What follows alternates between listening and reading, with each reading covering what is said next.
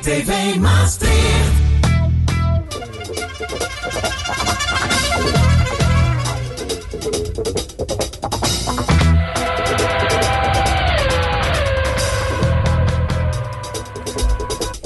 Dit is Natrappen met Jos.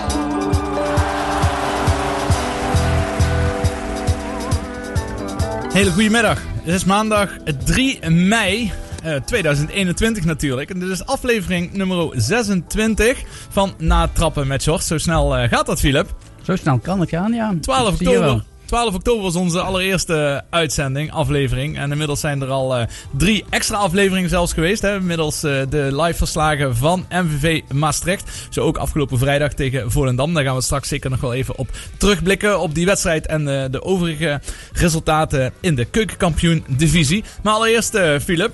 Heb je gisteren nog een feestje gevierd in Amsterdam toevallig?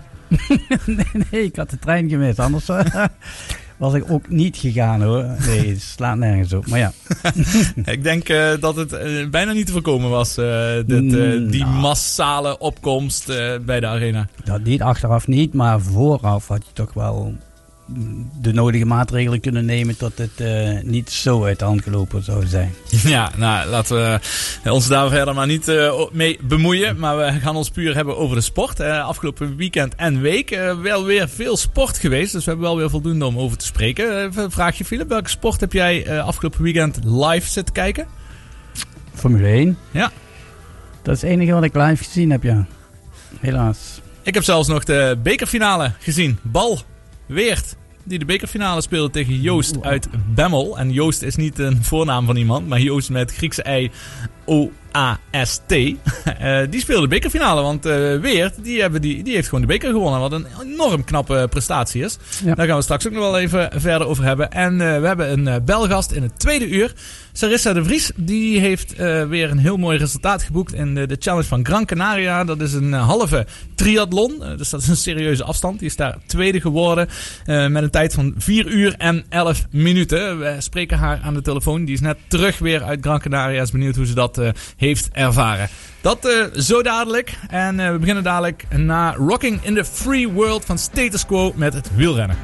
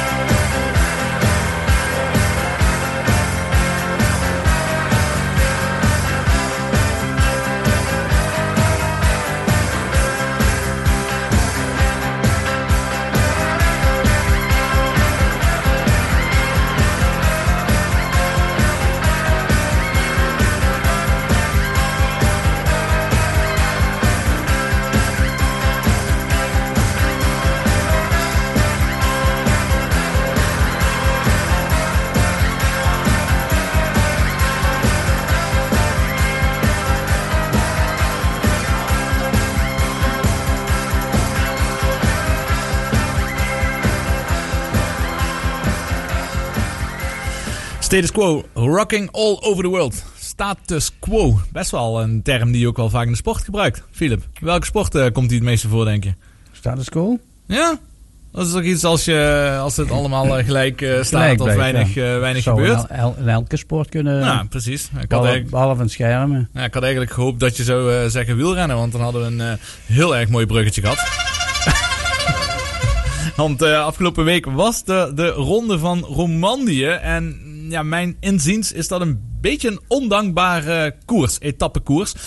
Die start met een proloog, vervolgens vier etappes, heel heuvelachtig, één echte bergrit. En die sluit dan af met een tijdrit over 16,2 kilometer. En ja, die valt natuurlijk net de week na alle voorjaarsklassiekers, al het geweld. En de week voor de Giro d'Italia, want die gaat eh, dit komend weekend eh, zal die van start gaan. Heb je er wat van eh, meegekregen, Philip? Kleine stukjes daar. Ik heb ze in de regen zien rijden en vallen en opstaan en weer vallen. Het was eh, tof, zeggen ze dat in België. Het is in het Franstalig gedeelte van Zwitserland. Mhm. En eh, het regent daar blijkbaar altijd in het voorjaar gedurende de ronde van Romandie. En als er één ding eh, toch heel eh, vervelend moet zijn voor wielrenners, is om in die natte omstandigheden in de bergen, koud en nat en noem het maar op, winderig. En dat was ook al te zien. En wat mij betreft was het sportmoment van de week al. die gebeurde in de voorlaatste etappe. Die was al vervroegd, omdat er zo slecht weer voorspeld was. Die bergetappe, de koninginnenrit tussen van Sion naar Thion. deden ze fietsen op eh, 2000 meter hoogte eindigen. En daar was op was daar de, de, de kopgroep eh, tussen eh, Woods, die het fantastisch voorjaar ook heeft gereden in de klassiekers. Hij kan alleen niet tijdrijden, dat kan hem wel eens opbreken in de, in de grote rondes. Ja. En eh Geraint Thomas, die is natuurlijk niet onbekend, want die eh, heeft al eens een keer eh, de Tour de France eh, weten te winnen een paar jaar geleden. En toen kwam het op het einde tussen hun twee en toen wilde eh, Geraint Thomas eh, even aanzetten voor een sprintje. En dat leverde wel heel veel spektakel op. Under to go.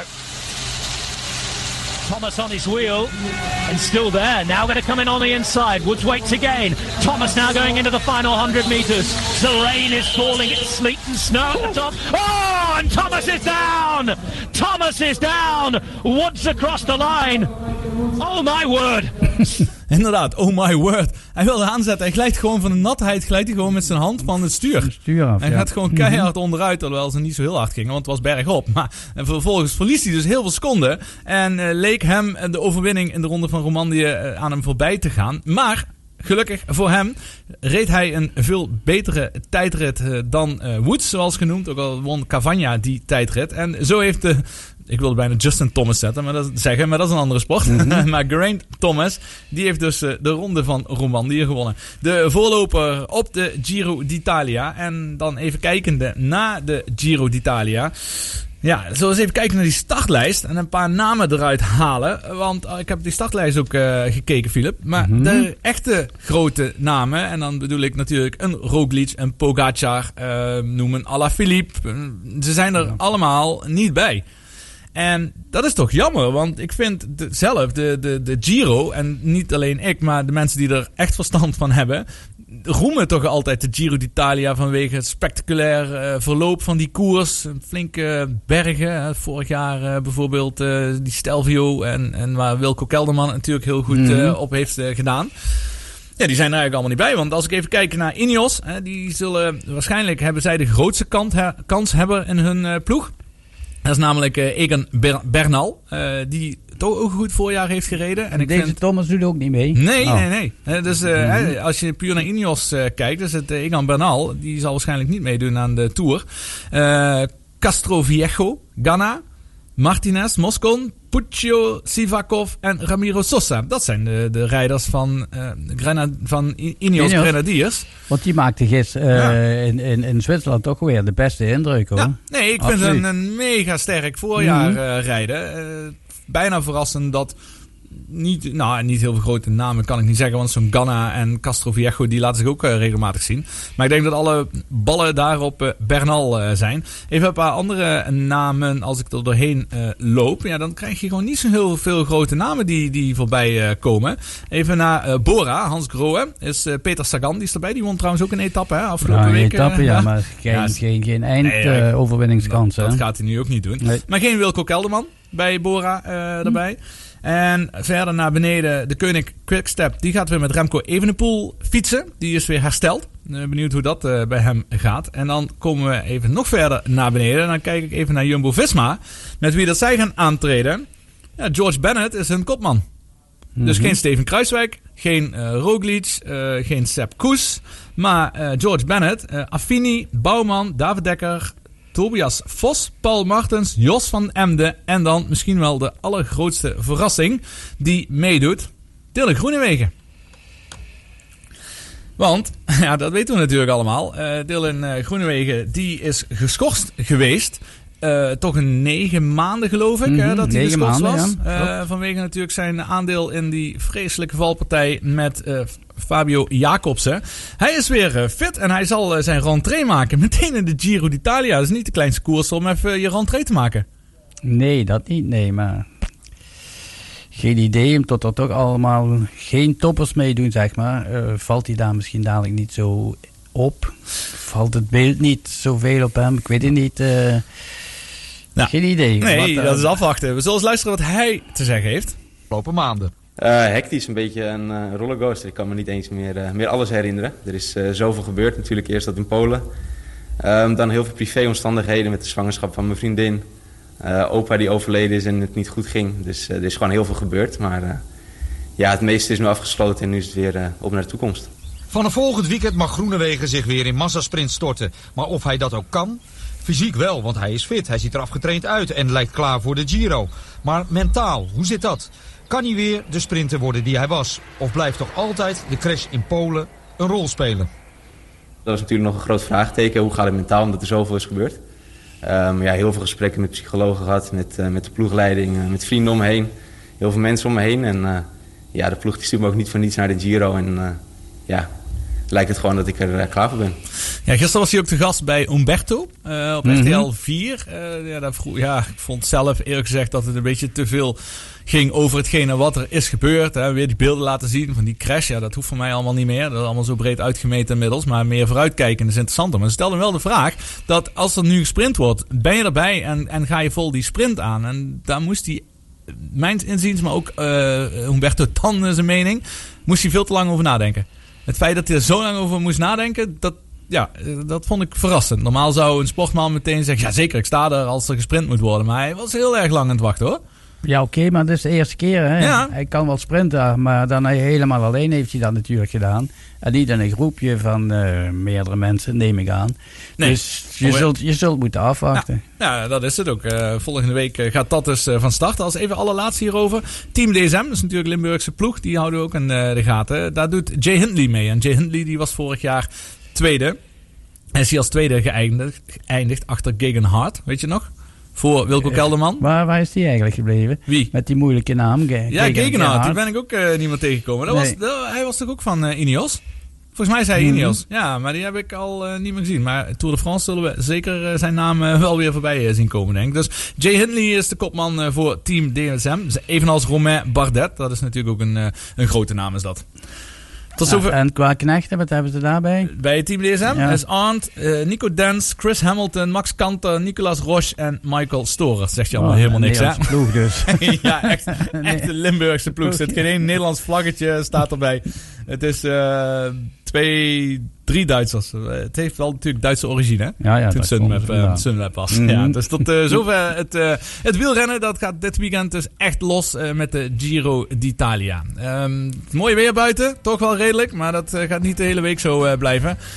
De vraag is inderdaad, hoeveel regen gaat er vallen? En Creedence Clearwater Revival, die vroeg ik al, have you ever seen the rain?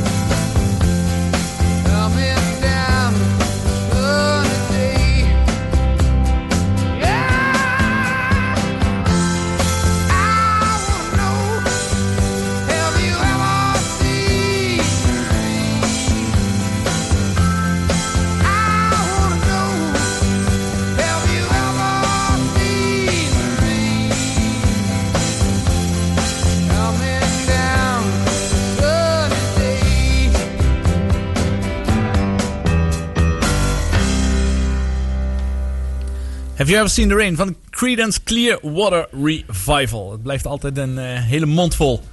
Ja, maar je weet waar die vandaan komt, hè? Vertel. Voor de zoveelste keer dat ze van naam veranderde. En op een gegeven moment was een vriend van eh Fogerty. Fogerty is de zanger daarvan. eh, die heette Cre- Creedence. En die beweerde dat Clearwater een, bierwerk, een bier was wat naar water smaakte. En omdat ze dus daardoor een nieuwe naam zouden ontwikkelen, hebben ze Revival erachter gezet. Kijk, dus, zo leren we allemaal wat hier. Heel goed. Eh Eredivisie, voetbal in Nederland. Eh, het is beslist. Het was eigenlijk al beslist natuurlijk. Maar Ajax is dus inmiddels kampioen geworden met nog eh, drie speelrondes eh, te gaan. Even heel kort even de uitslagen van het afgelopen weekend. Heracles 4-0 tegen VVV. Daar gaan we het daar nog even over hebben hoor. Fortuna 3-0 tegen Twente. Daar gaan we het ook nog over hebben. RKC AZ is 1-3 in het voordeel van AZ. Vitesse wint 2-1 van PEC Zwolle. Die hadden echt zes coronabesmettingen. En ik weet niet hoeveel allemaal. Dus voor PEC was het maar goed dat ze al eh, gespeeld waren. Utrecht wint 3-2 van Willem II. ADO 3-2 winnen van Feyenoord. Mhm. Bizarre uitslag. Ja. Zeker stonden 3-1 voor zelfs. Hè. En eh, Sparta wint 2-1 van Groningen. Ook verrassend. Ajax wint 4-0 van Emmen. En PSV speelt gelijk tegen Herenveen. Dus er gebeurde toch nog wel eh, een en ander. En er staat ook nog veel op het spel. Maar ja, laten we eens beginnen met degene die het, eh, het meeste verdienen. Is in ieder geval de, de, de kampioen. Dus luister wat Erik de Hag te zeggen had. Ja, dankjewel. Je tweede, nou eigenlijk je derde titel. Ja, het mag niet hè. Vorig jaar ben je geen kampioen geworden. Je stond bovenaan. In drie jaar tijd, drieënhalf. Wauw. Ja, daarvoor spelen wij. hè. We spelen uiteindelijk om titels te winnen. En ja, de laatste titels in Nederland, die hebben wij veroverd. En daar zijn we trots op. Je bent met je elftal onbetwist de beste. Heb je dit seizoen ergens een twijfel gehad? Nee, twijfel heb ik nooit.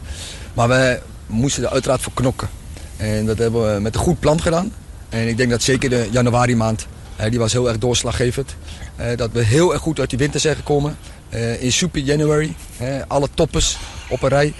Waarbij wij zwaar in het nadeel waren. Laat ik dat ook even vermelden. In het competitie ehm, eh, opzet. Wij hadden elke keer een dag minder dan onze tegenstanders. En toen moest ik wel jullie idee hè, van, van de Sarre om zo'n januari maand te maken. Hè? Ja, al was het ons idee, maar je moet wel hè, het eerlijk verdelen. En, maar je hebt zelf En- ook ervoor gezorgd dat iedereen heel fit was. Ja, even. Het is ook meteen duidelijk waarom dat hij geen trainer van Tottenham Hotspur wordt.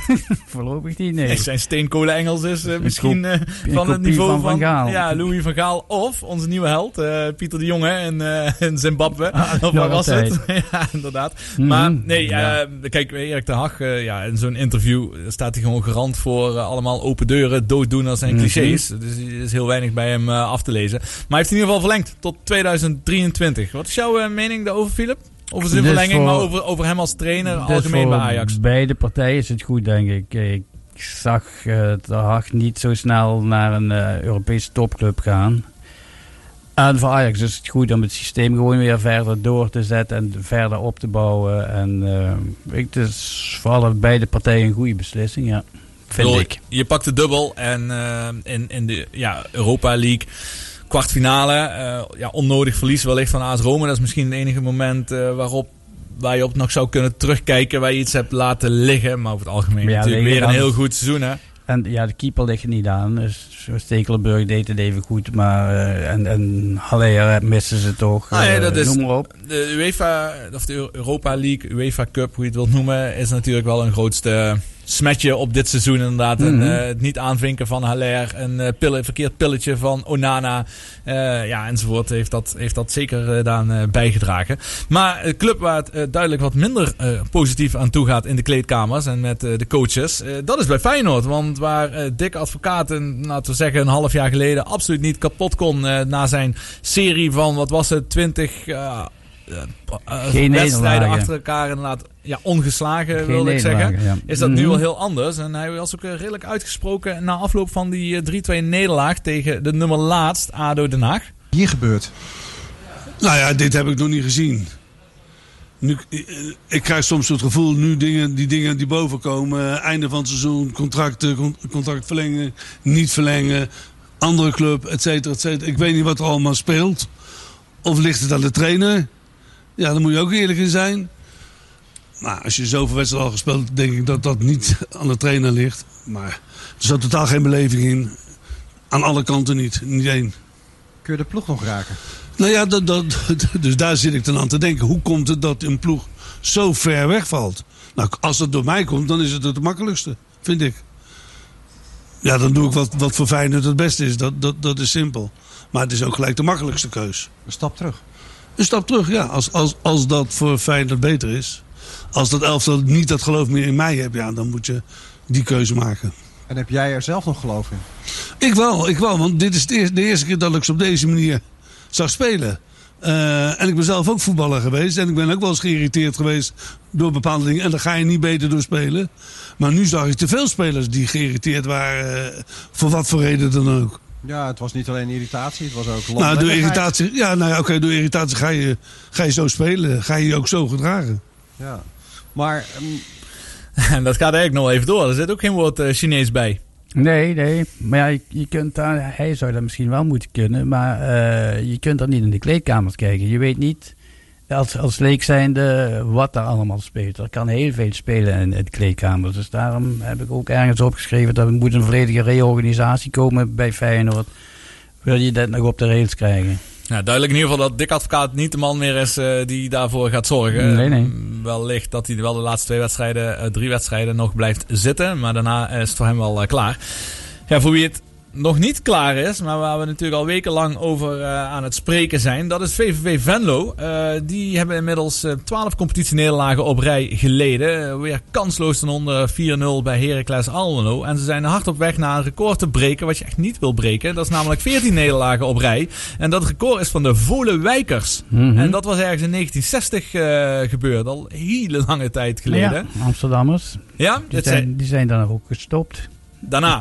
voilà. na, die 14, eh, na die 14 nederlagen, echt. Mhm. Ja, want eh, eh, aanvoerder eh, Danny Post, die eh, gaf ook een interview. Eh, ja, daar is eh, ook hetzelfde spreekwoordelijke, geen woord Chinees eh, bij. Eh, echt eh, volledig eh, verslagen. Ja, eh, één grote teleurstelling weer, hè? Ja, weer. Wederom. Het hele jaar eh, van teleurstelling. En, eh, het is heel zwaar. Mentaal eh, zit je er gewoon doorheen. En, eh, ja, niks lukt, alles valt verkeerd. En het, is, het ligt gewoon aan ons. Hoor. De mentaliteit is gewoon niet goed. En waar het aan ligt, eh, nieuwe trainer. eh, je kan Mourinho voor deze groep neerzetten, maar eh, dat is het allemaal niet. Het zit gewoon in die kopjes en ook bij mijzelf. Wat het is, weet ik niet. Maar de pijp is gewoon echt leeg. Nou, de verslagenheid is ook al zo groot, hè? Als jullie daar allemaal op de grond neerzakken na de wedstrijd. Ja, ja, we zijn gewoon mentaal, wat ik zeg, ja, niet goed. We hebben het gewoon zwaar, we zijn toe aan een resultaat. En op deze manier ga je het resultaat nooit halen. En, eh, en als dat besef niet, eh, niet komt, ja, dan, eh, dan gaat het zoals een nachtkaars uit. En, en dat zie je vandaag gebeuren. En ja, we hebben zoveel gesprekken gevoerd, harder worden, positief geweest. Op een gegeven moment probeer je alles, maar het moet gewoon vanuit onszelf komen. En je ziet gewoon dat het niet goed in de groep zit. Qua, qua beleving, qua weten wat er op het spel staat. En dat merk ik, moet ik zelf bij mezelf ook zeggen. Ik zit hier ook al jaren en ik merk ook aan mezelf dat ik niet breng, brengen kan in, in het team nu wat ik, eh, wat ik normaal wel altijd breng. En, en dat- vreet ook aan je. Mentaal is het gewoon heel zwaar. Dat is eh, duidelijk, ook.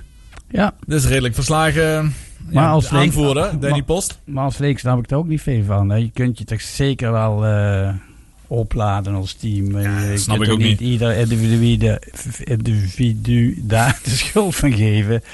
Ik, ja, eh, als, als, nogmaals, als leek zijnde begrijp ik dat niet. Nou, en bovendien er zijn er drie wedstrijden spelen. En eh, er is ook nog echt Tegen. alles Mhm. voor eh, te spelen. Want ze spelen natuurlijk nog tegen Emmen. Die staan eh, twee punten boven hun. Die spelen Ja. ze in de laatste wedstrijd tegen. En ze spelen nog tegen RKC. Die staan vier punten boven VVV Venlo. Ja, eh ADO Den Haag nu na die overwinning op Feyenoord.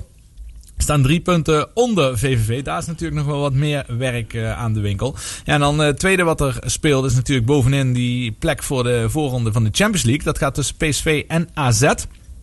Eén punt verschil is daar tussen. Wie denk je dat het gaat halen? Ze hebben een beetje hetzelfde programma, moet ik Mm, Ja, zeggen.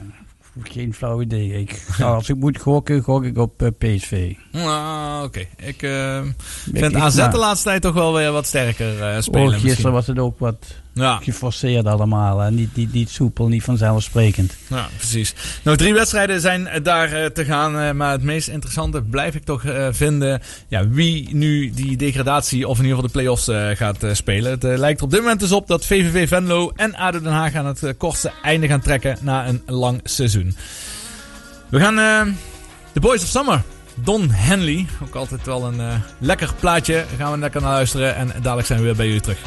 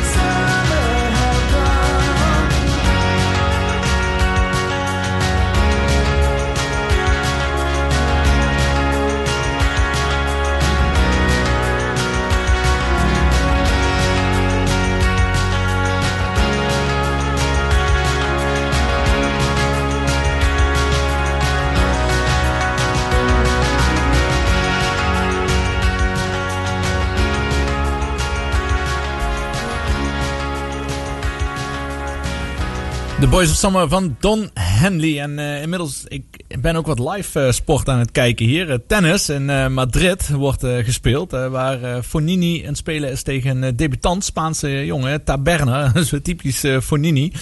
Die eh, had echt eh, makkelijk eh, zijn hele carrière al in de top 10 eh, van de wereld kunnen staan. Zo getalenteerd is hij. En hij komt meteen weer 4-2, 5-2 voor. En inmiddels is het weer 5-5 en is het nu bijna 6-5 voor Taberner. Die wordt trouwens flink eh, aangemoedigd door behoorlijk wat publiek daar op de tribunes in Mhm. Madrid.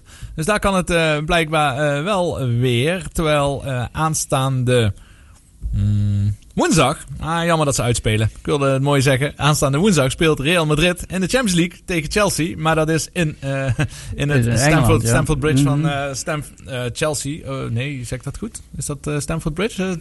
Chelsea? Het zou zomaar... Daar ben ik bang van wel, ja. Ben- nou, dat zou heel mooi zijn voor mij als ik dit zeg. Ehm, ik ben het op het zoeken. Maar nee, ja, inderdaad, Stamford Bridge. Yes, die, heb ik, eh, die kan ik afvinken. Ehm, maar dat is eh, komende week dus weer eh, opnieuw Champions League voetbal. En Manchester City begint op dinsdag, dus dat is morgenavond, tegen Paris Saint-Germain. Die Paris Saint-Germain die staat dus 2-1 achter. Heb je die wedstrijd gezien, Philip? Ja. Eh, kun je mij uitleggen het verschil tussen het eerste half uur van Paris Saint-Germain en eh, het laatste uur daarvan? Want in, de, eer- in het begin vond ik echt Paris Saint-Germain echt briljant voetbal spelen. Zo mooi combineren, breedte passen, snel naar voren. Natuurlijk met Neymar en Mbappé voorin levensgevaarlijk. Maar op de een of andere manier wist eh, Guardiola en Manchester City het helemaal naar de hand te zetten. Mhm. Ze zijn dus in de tweede helft niet meer helemaal achterin blijven hangen. We zijn het spel via het middenveld beter aan het gaan verdelen. Waardoor Paris zich ook eh, mo- moest terugtrekken om, om, om schade te voorkomen. Maar is toch niet helemaal gelukt. Maar ook een paar kleine foutjes bij. Ja. Wat op dit eigenlijk niveau... Ja, dat mag je meteen niet, maar, afgestraft. ja, het gaat zo snel. Als je Mhm. één fout stap zet, dan eh, krijg je, dat zag je natuurlijk met die grote kans van eh, Manchester City ook in de eerste helft. Wordt even fout uitverdedigd Verdedigd, door eh, Mitchell Bakker, de Nederlander. En dan krijg je meteen een hele grote kans door. Nou, een paar vragen. Even Mitchell Bakker als eerste. Die heb ik nog nooit in een voorselectie van Oranje Dat wil- gezien. wilde ik net ook vragen, ja. Ja, maar we Terwijl hij daar toch op een topclub op het eh Halve eerste finale. helft al speelt. halve finale Champions League in de basis. Mhm. Volgens mij is Ja. hij de enige Nederlander die überhaupt nog actief is in de, in de Champions League. Champions League Ja. Sowieso, ja. Ja, en dan ook nog in de basis. Dus, Mhm, eh, ja, en daarom. zeker met de personele problemen in de verdediging inmiddels eh, bij Nederland. Waar Daley Blind nog steeds onzeker is. Virgil van Dijk zeer onzeker is. Want Jurgen Mhm. Klopp die was afgelopen vrijdag ook niet eh, positief over zijn herstel. Ja, wel positief, maar niet over de tijd richting het EK. Ehm, ja, eh, dat zou het zomaar kunnen dat hij Ja. toch een EK gaat spelen. En je zou niet eh, kunnen zeggen dat hij te veel tatoeages heeft. Want dat is meer dan de helft van Nederland zelf wat dat heeft. Ja. Ja, dat is ook wel zo. Die eh, Pep Guardiola, trainer Mhm. dus van Manchester City. Ja, we hebben eerder al gezegd, hij doet het overal goed. Of het nou Bayern München is of eh, Barcelona waar hij eh furoren heeft eh, gemaakt. Die had nog wel een mooie quote eh, voorafgaand aan deze wedstrijd. Eh, en dan eh, heeft hij het over zijn oude meester Johan Cruijff. I learned from Johan Cruyff. So when you arrive at the stages, only one thing you cannot do is enjoy the game, and enjoy being the responsibility, the pressure. Enjoy the pressure. Enjoy the responsibility. Enjoy the fact that uh, maybe you are not living more this kind of situation. That is the elite, and the top players enjoy these situations because they take responsibility, and that's why the greatest the greatest win these competitions, the greatest clubs win these competitions because they play this competition as a friendly game. In all sports, all sports. And that is one I want to see Mooie eh, Mhm. uitspraak. Zeker dat eerste gedeelte waarin hij dus zegt... ehm, waarin ehm, ja, je, je wellicht... eh, je moet spelen alsof je nooit meer in die situatie komt. Hè. Dat spreekt me wel heel erg aan. Het enige wat ik niet zo goed snap... is dat hij op het einde zegt... je moet spelen alsof het een vriendschappelijke wedstrijd is.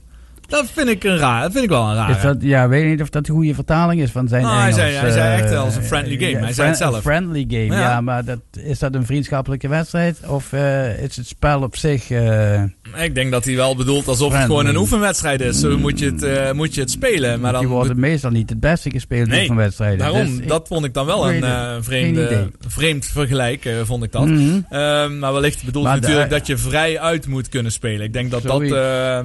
ja, toch? Ik denk dat dat het Denk ik eh, eerder, is. ja.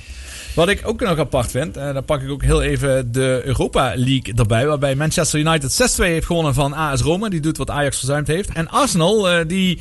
Ja, die verloren weliswaar met 2-1 eh, van Villarreal. Die hebben iets goed te maken, maar die spelen nu een thuiswedstrijd. Maar als Arsenal hier overheen weet te komen, dan zou het zomaar kunnen zijn dat er slechts dat er enkel Engelse ploegen. Vier Engelse Ja, ploegen, de en dus twee finales. Inderdaad. Dat is ja. vrij uniek.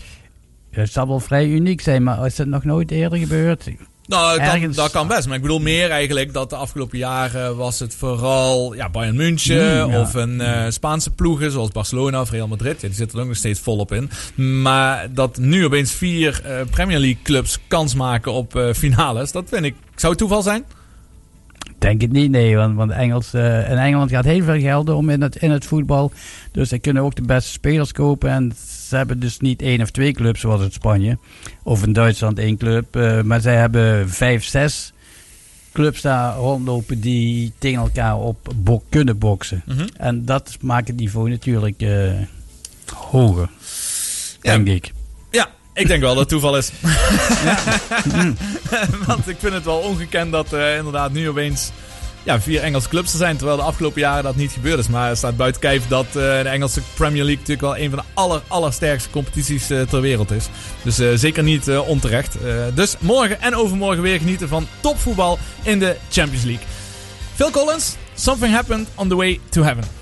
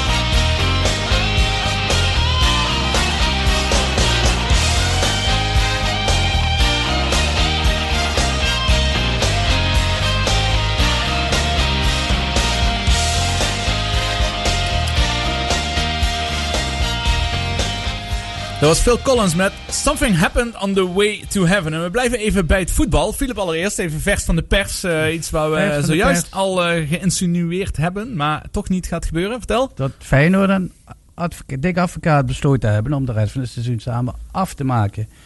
Dik advocaat heeft dat samen besloten met eh, Frank Arnezen. De spelers waren er niet bij, want die hadden liever toch hun vrije dag genomen. Dit zal ze morgen wel mee met spreken.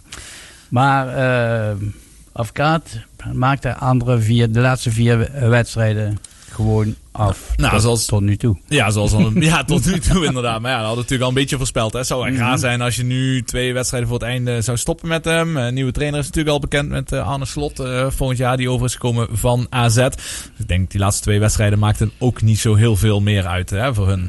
Nee. Alhoewel, moeten zij die play-offs spelen. Ja, nee, ze kunnen nog een eh play-off spelen voor een Ja. voorrondes van de UEFA Cup Ja, dat zal het eh, inderdaad zijn. Zoiets. is natuurlijk wel wat te halen nog steeds. Dus je nog te spelen. Nou, dat houden we in de gaten. Er zal morgen waarschijnlijk weer een nieuw eh, persbericht naar buiten komen. We, kijken, we blijven bij het voetbal en we kijken even naar het buitenland. En La Liga met name, die blijft me enorm interesseren dit seizoen. Omdat daar gewoon ongemeen spannend is. En het zijn zo'n mooie en grote clubs die daar actief zijn. En bij Barcelona natuurlijk veel Nederlanders. Met Frenkie de Jong en Ronald Koeman aan het roer. Ja, Jorginho Dest is officieel geen Nederlander. Hij heeft gekozen voor Amerika, maar heeft ook een Nederlands eh, paspoort. Maar afgelopen week was het, of weekend was het weer feest. Eh, At- Atletico Madrid won te nauwe nood met 1-0 van Elche.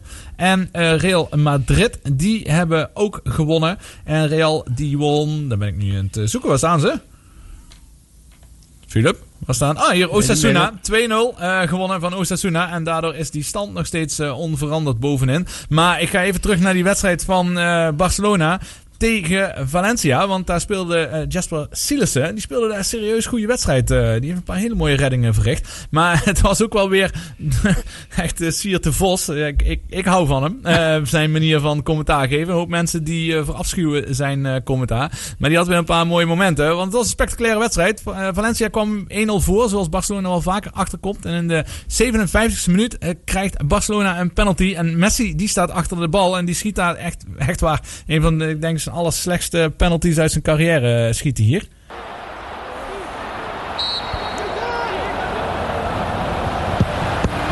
Jongen, die, had- had, eh, die had ik ook gehouden. Pedri krijgt hem niet in. Nu wel. En weer, net als in december, mist Messi die penalty. En krijgt hij de rebound. Nou, dit is de re, re, re, re, re, re, rebound. Er wel in. 1-1. Ja, dat was echt een heel slappe penalty. De eerste keer volgens mij dat eh, Jasper Silas zijn penalty eruit houdt. Maar al was- bijna, bijna. Ja, ja, bijna. Hij had de penalty wel Ja, eruit. penalty Alleen eh, ja. daarna Ja, de kluts eh, weet Messi hem eh, toch nog eh, te scoren. Nou, Mhm. vervolgens was dit wel het eh, startschot eh, voor eh, Messi en consorten met Barcelona om eh, het verder eh, uit te bouwen. Ze maken een eh, goede 2-1 waarbij eh Frenkie de Jong een eh, mooie kopbal heeft. Die is fantastisch gekiept door Jasper Sielissen. Maar ook daar weer de rebound voor Antoine Griezmann. Dan word je gek als keeper dat je een penalty eruit houdt. En dat je zo'n mooie redding op een kopbal verricht. En dat je twee keer een eh, rebound erin krijgt. Waar je echt gewoon helemaal niks aan, eh, aan kunt doen. Ja, en toen eh, was er toch weer de echte meester. Lionel Messi, die had al heel lang geen vrije trap meer erin getrapt. Maar nu kreeg hij op het einde bij 2-1, of einde 64 minuut, 2-1 is het voor Barcelona. Heeft hij een vrije trap. Niet meer reageren. Minuut 69. Mestalla. Messi. Sillissen. Oh! Hij zit! Hij zit! Doelpunt! 670. Maar goed dat ik er even erbij had genomen. Ja, u weet momenteel eh, vliegt er een helikopter op Mars. Dat is een initiatief van de NASA. In die helikopter, in de dozen die ze meegenomen hebben, zit een schijf. Of als ze daar die niet kunnen afspelen, zit een videoband van het doelpunt van Messi. Dat is op zich een heel slecht idee. Want als ja, die marsmannetjes dat allemaal zien, dan komen ze allemaal naar ons. Dan wordt het nog drukker op de aarde. Maar zo groot is deze speler. Extraterrestrial. Uitgezonden op Mars. Messi. 1-3. Barcelona doet mee in het kampioenschap. Sillissen geklopt. Ja, Sierte, verzin het maar, hè. ja, Sierte Vos had Ja. wel een, eh, een fijne avond. eh, en uiteindelijk is het 3-2 geworden. En Barcelona die won dus alle drie de koplopers. eh, die hebben dus gedaan wat eigenlijk eindelijk een keer moest gebeuren. En dat is namelijk alles winnen. Dat is al een tijdje geleden dat ze alle drie achter elkaar wonnen.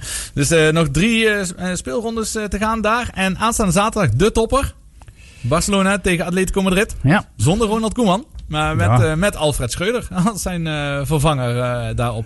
Dan de andere competitie eh, razend spannend is, is bij Ligue 1 in Frankrijk. Waar Lille nog steeds de koppositie heeft met 76 punten. Eén punt voor op Paris Saint-Germain. Daar zijn nog, om precies te zijn, ook nog drie wedstrijden te spelen. Mhm. We gaan overal langzaam maar zeker richting het einde. En in de Bundesliga, daar is al... eh, Bayern München toch Mhm. inmiddels wel eh, de titel al eh, binnen hebben of officieel nog niet?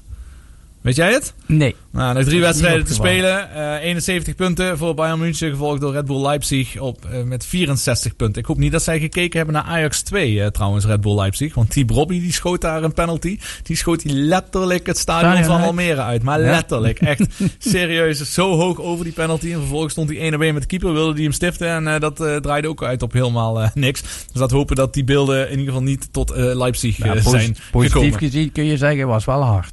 Ja, nou ja, hij was nog niet eens zo gek hard. Oh, hij was gewoon hoog. en heel ver over. Maar eh, goed, dat is in ieder geval eh, geweest afgelopen week. Dus die Robbie is ook eh, op weg eh, naar, eh, hoe heet het, naar eh, Leip- Leipzig eh, voor volgend Mhm. seizoen. Laatste nummertje voor eh, het uur eh, van dit uur van Natrappen met Sjors. Eh, Waterloo van ABBA.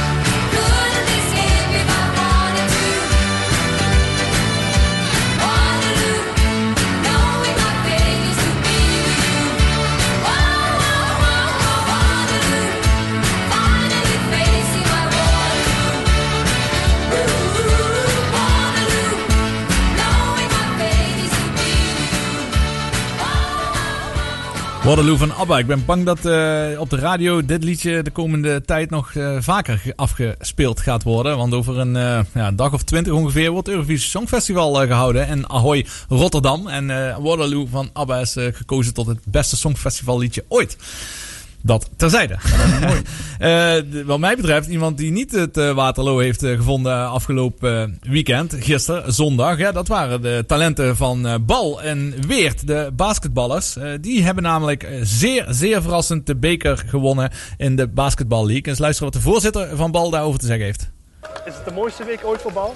Ik denk het wel. Ja. Ja, het is eh, ongelooflijk. Vorige week eh, begonnen we natuurlijk eh, tegen ZZ en daarna Rotterdam verslagen en dan nu winnen we de finale. Dus ja, het is, ja, het is ongelooflijk. Nu ben je als voorzitter altijd optimistisch, stel ik me zo voor. Maar een bekerwinst, had je dat voor ogen gehad? Nee, nee, eigenlijk is het ook niet mogelijk. Dus ja, wat de jongens gedaan hebben is gewoon buiten, ja, buitenproportioneel. Ja, ze begonnen met de overwinning op eh, Leiden in de kwartfinale, nummer 1. In de competitie waar ze dus ook tegen gaan spelen in de play-offs. Volgens mij is dat de aanstaande week of weekend gaat dat gebeuren. En de finale speelden ze tegen Joost. Eh dat team komt uit Bemmel. Het was een eh, ja, snelle en sterke opening. Er werd veel gescoord in het eh, begin, maar bal kwam ten alle tijden op eh, voorsprong. En dan zie je toch die Jasinski, die Amerikaan die nu eh, speelt voor bal. Dat is wel echt een hele belangrijke speler daar. Maar dat viel me ook op bij Joost, want dat je ehm, eh, Luke heet die jongen, ja, die, die verdeelde ook alles. Het was heel duidelijk dat er eigenlijk wel twee leiders in het veld stonden bij beide partijen. En Bal, ja, die, die maakte toch gewoon de meeste punten. Dat is meestal als je voor komt te staan. Alleen, eh, ik vond ze vooral goed in hun afstandsschoten. Joost vond ik een, een mooie, mooiere en vloeiendere aanvalsdrift hebben in vergelijking met eh, Bal. Maar jij hebt daar volgens mij helemaal niks eh, van gezien, hè Philip? Nee, deze keer niet. Ik heb hem al een paar, eh, paar weken geleden gezien. Maar eh, ik wil toch even wel daar iets op zeggen. Want als je ziet, ik vind het schitterend. Als je ziet. Ja, ga maar door. Eh, Bal is, is in eh, 2017 eh, bijna uit een fusie gekomen van, van BSW, BS Weert. En, de- maar ze spelen al, allemaal jongens die vanaf 2017 in de jeugdopleiding zaten. Ze spelen met jongens die beginnen met 10, 12 jaar. En na, al dit, na deze 4, 4, 5 jaar dat ze bezig zijn, kunnen ze dit presteren. Wel, er zijn dan twee buitenlanders bij. Maar de rest is allemaal uit eigen jeugd. Dus eh, een schitterende prestatie. Absoluut. En dat is natuurlijk ook hetgene waar een eh, basketbalacademie voor eh, moet staan. En dat doen ze ontzettend knap. Dus een mooie, mooie overwinning. Ze kwamen even nog in de problemen pas in, de, in het derde kwart. Werd het nog even spannend. Toen kwam Joost op eh, 70 tegen 69 op voorsprong. Maar vervolgens maakte Jasinski weer het verschil op het einde van de vierde kwart. Met nog 10 punten te gaan. eh, eh, met nog 10 punten voor. Met nog 3,5 minuten te spelen. En toen was het wel eh, afgelopen. We gaan naar de reclames. En zo dadelijk zijn we na het nieuws weer bij jullie terug. Want bij Hazy kopen. RTV Maastricht.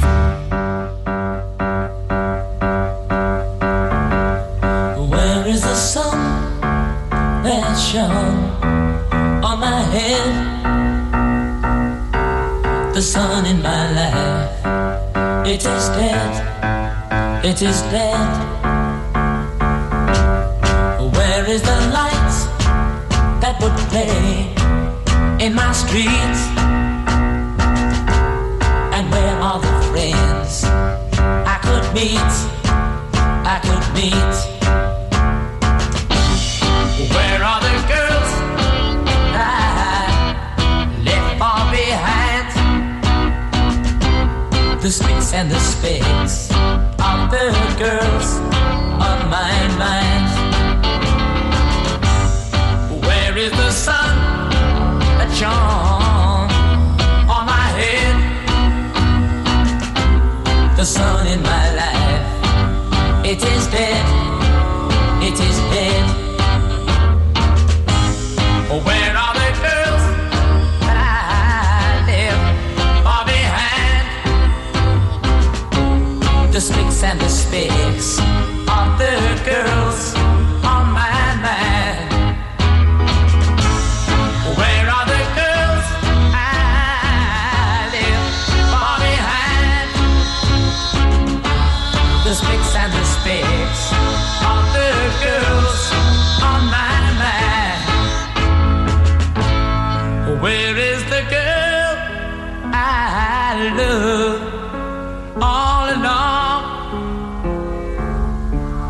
girl that I love, she is gone, she is gone.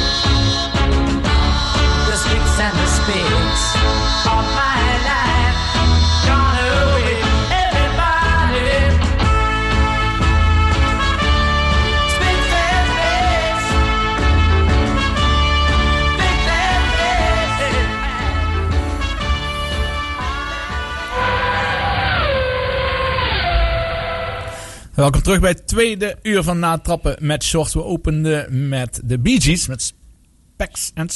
Ja, vertel me Specs en Specs, dan wil ik even... Specs en Specs, ja. Specs en Specs wil ik even vertellen. Was het eerste nummer... Op dit nummer is het eerste dansje met jouw moeder gedaan. Oei, oei, oei, oei, oei. Dus dat zullen we nooit vergeten. Nee, je kijkt wel, je ziet wat er van kan komen. Ja. Zo is het. Ehm, ja, ik, ik ben zelfs nu verlegen voor bruggetjes te maken naar het volgende onderwerp. Normaal ben ik daar wel goed in, maar bij deze eh sta ik zelfs met mijn mond eh, vol tanden. Maar in ieder geval gaan we het, zoals je het hoorde, al over de Formule 1 hebben we weer hebben. En dan wel over de grote prijs van Portugal het afgelopen weekend. Waarin Max Verstappen tweede werd en Lewis Hamilton op de eerste positie eindigde. Maar even begin bij het begin. En dat is eh, de kwalificatie. Waar eh, Max Verstappen in eh, Q3 in principe de snelste tijd reed. Alleen, daar kwamen ze, de track limits. En daardoor telde zijn tijd niet mee. Had hij nog één poging om een goede klassering neer te zetten. Ja, dan snap ik wel dat je niet echt op de limiet kunt rijden. En hij wist daardoor de derde plek te halen. En hij startte als drie. Maar achteraf gezien, Philip. Denk jij dat wat had uitgemaakt wanneer hij op pole position had kunnen starten? Mm, dat zijn allemaal zo moeilijke vragen. Dat is moeilijk. eh, ik denk het bijna niet, omdat het net niet optimaal was allemaal. Wat de, de, in ieder geval de motor presteerde. Wat hij presteerde is gewoon eh, topklasse. Maar ik denk niet dat het precies allemaal optimaal was ten opzichte van Hamilton. Dat denk ik ook. Eh, Dat dat eh, absoluut eh, geen verschil had gemaakt. Ik denk dat gewoon Mercedes, en met name Hamilton, gewoon de snelste auto had. En Mhm. ook, ook weer in die race. Ja, het venijn zit hem niet in de staart in dit geval, maar juist in het begin. Die was al best wel spannend.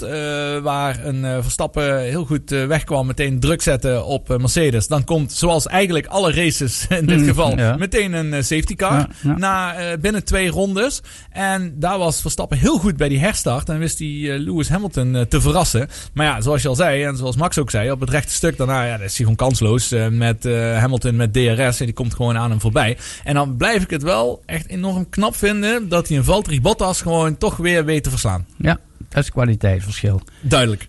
Van de, van de rijders en niet van de auto's. Maar dat is duidelijk kwaliteitsverschil. Ja. Ja. op het laatste werd het ook nog wel eh, interessant. eh, toen zowel Bottas als Verstappen naar binnen Mhm. gingen voor eh, rode banden. En dan spectaculair met name hoe die Red Bull, die monteurs, gewoon een, even een pitstop van 1,9 seconden neerzetten. Ja. Dan moet je maar durven. Heel, heel knap. Ja, maar dan Ja. moet je ook nog eens durven om het op je allersnelst te doen. Eh, want ja, als er iets misgaat, dan loop je die tweede plek mis. En dan eh, eindig je derde. Maar ik denk, als het gaat puur om pitstops, is Red Bull echt We wereldkampioen. zullen het wel honderdduizend keer gedaan hebben. Dus, eh, maar ja, altijd. Maar zit in het spel, hè? Ja, heel knap, heel Mhm. knap. Even luisteren naar het interview van eh, Max Verstappen. Alleen deze keer eh, in het Engels, want een van de crewleden van Ziggo Sport, eh, die was positief getest op corona. Dus zowel Olaf Mol als Jack Ploy, die mochten dus niet het circuit op. Die hebben alles vanuit hun hotelkamer gedaan in quarantaine. Olaf Mol overigens mag nu wel weer uit die quarantaine. Dus aanstaande weekend wordt in Barcelona wordt het geraced op het circuit Catalunya. En daar zal Olaf Mol wel gewoon bij zijn. Maar in ieder geval het interview van Max Verstappen na afloop was dus even in het Engels. Hiya, Max. Uh, race of the afternoon. I know it wasn't the final result that you wanted, but you managed to nab the fastest lap at the end, which must have been satisfying. Yeah, fast lap, but then it got taken away again. So Oh. I think it's what it is.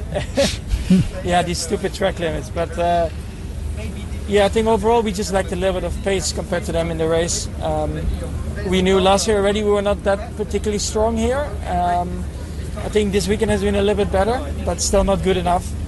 Uh, I tried everything I could. I mean, I had a good restart and I got past Lewis, but then clearly I could just not get an attack uh, Valtteri and clearly Lewis. Once he passed me, he just saw, yeah, you could see he had more pace. So um, I just tried to stay close, but uh, ultimately I think second was the, the best result we could get today.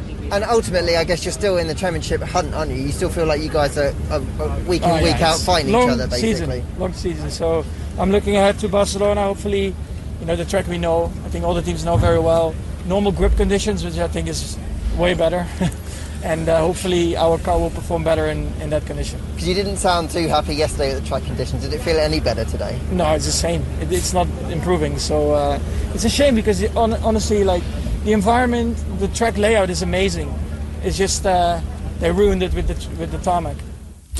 Ja, die, eh, eh, die, die sloop naar beneden, hè, die, dat, ja, dat verval van eh, 16 meter op een gegeven moment voor die bocht. Echt spectaculair. Spectaculair, absoluut. Echt net een achtbaan. Maar Ja. even wat hij zegt, eh, dat is nu wel helemaal waar. Het gaat niet echt om deze race. Het wordt gewoon een heel lang seizoen. En dat is heel duidelijk één doel. Zowel voor Hamilton als voor Verstappen. En dat is dat gevecht om die wereldtitel. Dus ik denk dat ze met een tweede plek het toch gewoon weer ontzettend knap gedaan hebben. Eh, en eh, geen fouten gemaakt hebben. En dat het gewoon niet meer in zat eh, afgelopen weekend. Nee, zonder meer. Als ik vind het wel een leuk verhaaltje even wat ik gisteren ook gehoord heb. Dat sinds ze die hybride motoren ingevoerd hebben, Mercedes zo geweldige prestatie hebben geleverd. Dat ze bewust de motors hebben af, eh, minder afgesteld hebben. Tot ze bang waren dat ze anders gedisqualificeerd werden. die waren zo snel, die waren zo goed eh, ontwikkeld. Dat eh, de Mercedes zelf heeft besloten om het eh, een, tandje minder te maken. Nou, dus dat zal daar hoogstwaarschijnlijk de komende tijd nog ook wel zo in blijven zitten. Kleine verschilletjes. Mm, Ja, wie weet. Eh, Mhm. Ik ben benieuwd hoe zich dat eh, verder gaat eh, verhouden dit hele seizoen. Even over het middenveld, even de andere. Want het is duidelijk dat Red Bull en Mercedes het wel weer gaan uitvechten met elkaar in de constructeurskampioenschap. Is er een andere coureur of team wat je in positieve zin eh, heeft verrast tot dusver? Ik vind ze allemaal wel eh, een stukje beter geworden. En ja, ik, Ricciardo is mijn, eh, is mijn favoriet op een of andere manier. En die doet het ook elke keer wel bij de, eerste, bij, bij de eerste tien.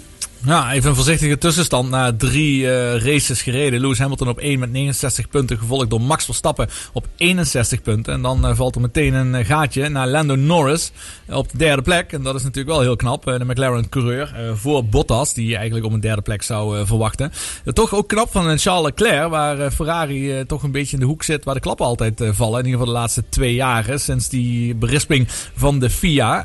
Die staat toch knap op een vijfde plek, zit er goed bij. En als je dat dan inderdaad vergelijkt met een eh, Carlos Sainz, die zie je toch een stuk minder presteren in de Ferrari in vergelijking met Charles Leclerc. Natuurlijk zit Leclerc al langer daarin, maar dan denk ik ook daar weer is toch weer een stukje talent en eh, Mhm. kwaliteit. Eh, is ook een fantastische rijder, die Leclerc.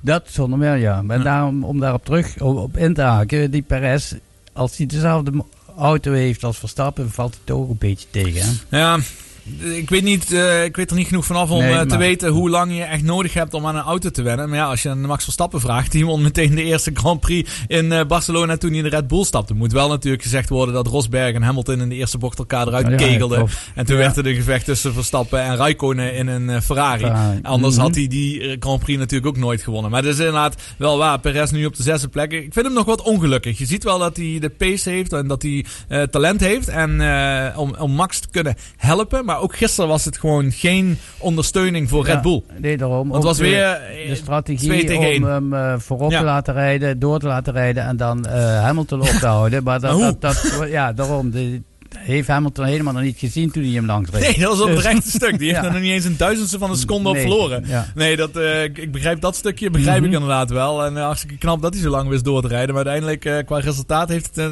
ieder geval Red Bull niet heel veel Nee. eh, opgeleverd. Al was het maar twee bochten hè, dat hij hem achter zich had kunnen houden. Maar dit was echt een kwestie van eh, niet gezien. nee. een wielrenner die even iemand op de oma fiets op een eh, breed fietspad inhaalt. Maar van de, van de andere kant zou je ook kunnen speculeren op. Je kunt bijna een hele race op één, één, één band rijden. Nee, maar dat mag niet. Dat mag Nee, gewoon dat niet. mag gewoon niet volgens Hmm. de reglementen. Je moet twee verschillende compounds rijden in een race. Je mag ook niet als je op geel begint wisselen naar geel bijvoorbeeld. Dat zijn regels van de FIA. En eh, eh, zoals gezegd in Monaco, waar het natuurlijk heel moeilijk inhalen is, eh, dat je bijvoorbeeld na één ronde eh, zou naar de pitstop moet gaan om harde band eronder te zetten. Want met die harde je band zou je kunnen uitrijden. Ja. En als iedereen, de rest allemaal dan pitstops doet, zou je nog een heel goed resultaat kunnen halen. Dat is wel eens een strategie die gebeurt wanneer iemand pech heeft in die allereerste ronde. En dan een beetje achteraan rijdt. Dan gaat hij meteen naar binnen om harde banden eronder te zetten. En dan meteen de race uit te rijden. Maar volgens de reglementen mag dat dus eh, niet om eh, twee keer dezelfde compound te doen. Of geen enkele pitstop, Pitstop te doen. Oké, zo dadelijk eh, gaan we langzaam maar zeker voorbereiden met een telefoongesprek met Sarissa de Vries. eh na Genesis met Invisible Touch.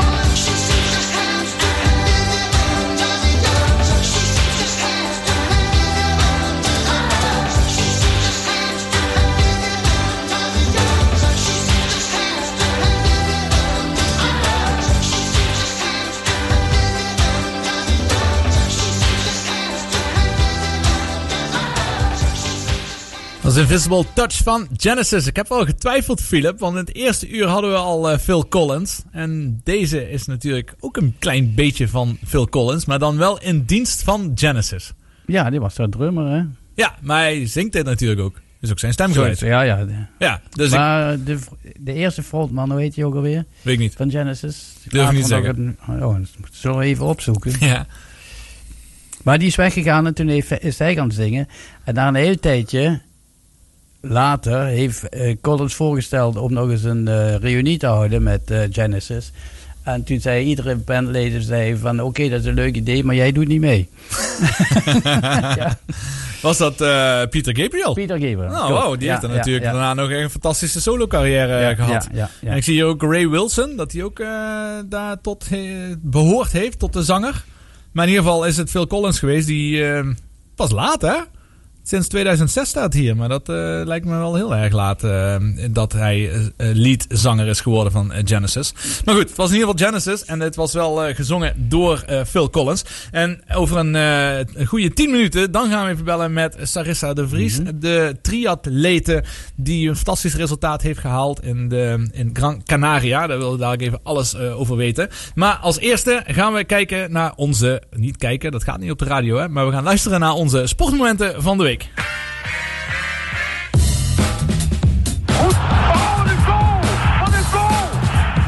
Timmetje, Timmetje, wat ga je doen? En hij staat! Ik staat! Het is ongekend! Daar gaat hij Ippon en neemt hem over. Goud is er voor Mark Huizinga. Sportmoment van de week. En dan beginnen we natuurlijk met eh Philip. En Philip, ja, jij hebt inderdaad wel, eh, wat mij betreft, de quote van het weekend eh, genomen als sportmoment van de week. Die heb ik al meerdere keren voorbij zien komen. Je mag ja? hem, ja, zeker weten. hè. Je mag hem eerst zelf voorleggen en vervolgens zal ik hem ook laten horen.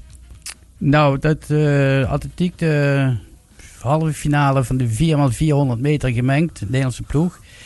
Dat liep- Maar dat is zo, ja, dat was een wereldkampioenschap estafette was het. Ja, ja, 400, 400, 400. Nee, dat was de halve finale dit, Ja, eh, waar, waar ik het uit heb. Want in de finale is met een andere samenstelling zijn ze laatste Oké. geworden. Maar in de halve finale met eh, Femke Bol, die, liep, eh, die zei na afloop van... eh, ze had zo absurd hard gelopen omdat ze dacht op de laatste meters ingehaald ge- te worden door iemand. En die wilde ervoor blijven. Maar achteraf bleek dat er schaduw te zijn, haar eigen schaduw. Dus eh, dat is ook een manier om, om je haast dadelijk niet meer te hoeven te betalen. Gewoon een lamp op je schijnen en, en een schaduw eh, achter je aan laten holen. Nou, zo werkt het met eh, Kip Kotje toen hij dus de marathon binnen twee uur heeft gelopen. Dat had hij een laserstip voor zich. En hij moest gewoon die laserstip eh, volgen. Dat is wel een andere kant. dat was maar dat werkt, werkt prima. Ja. Maar laten we even van Femke zelf horen wat ze daarover te zeggen had. Het is alsof het je bijna weer geen moeite kost. Ja, ik had ook wat langer dan Tony. En eh, ja, we wisten dat Tony waarschijnlijk het, ja, het meest vermoeid was. Dus ik moest gewoon volgaan, blijven lopen.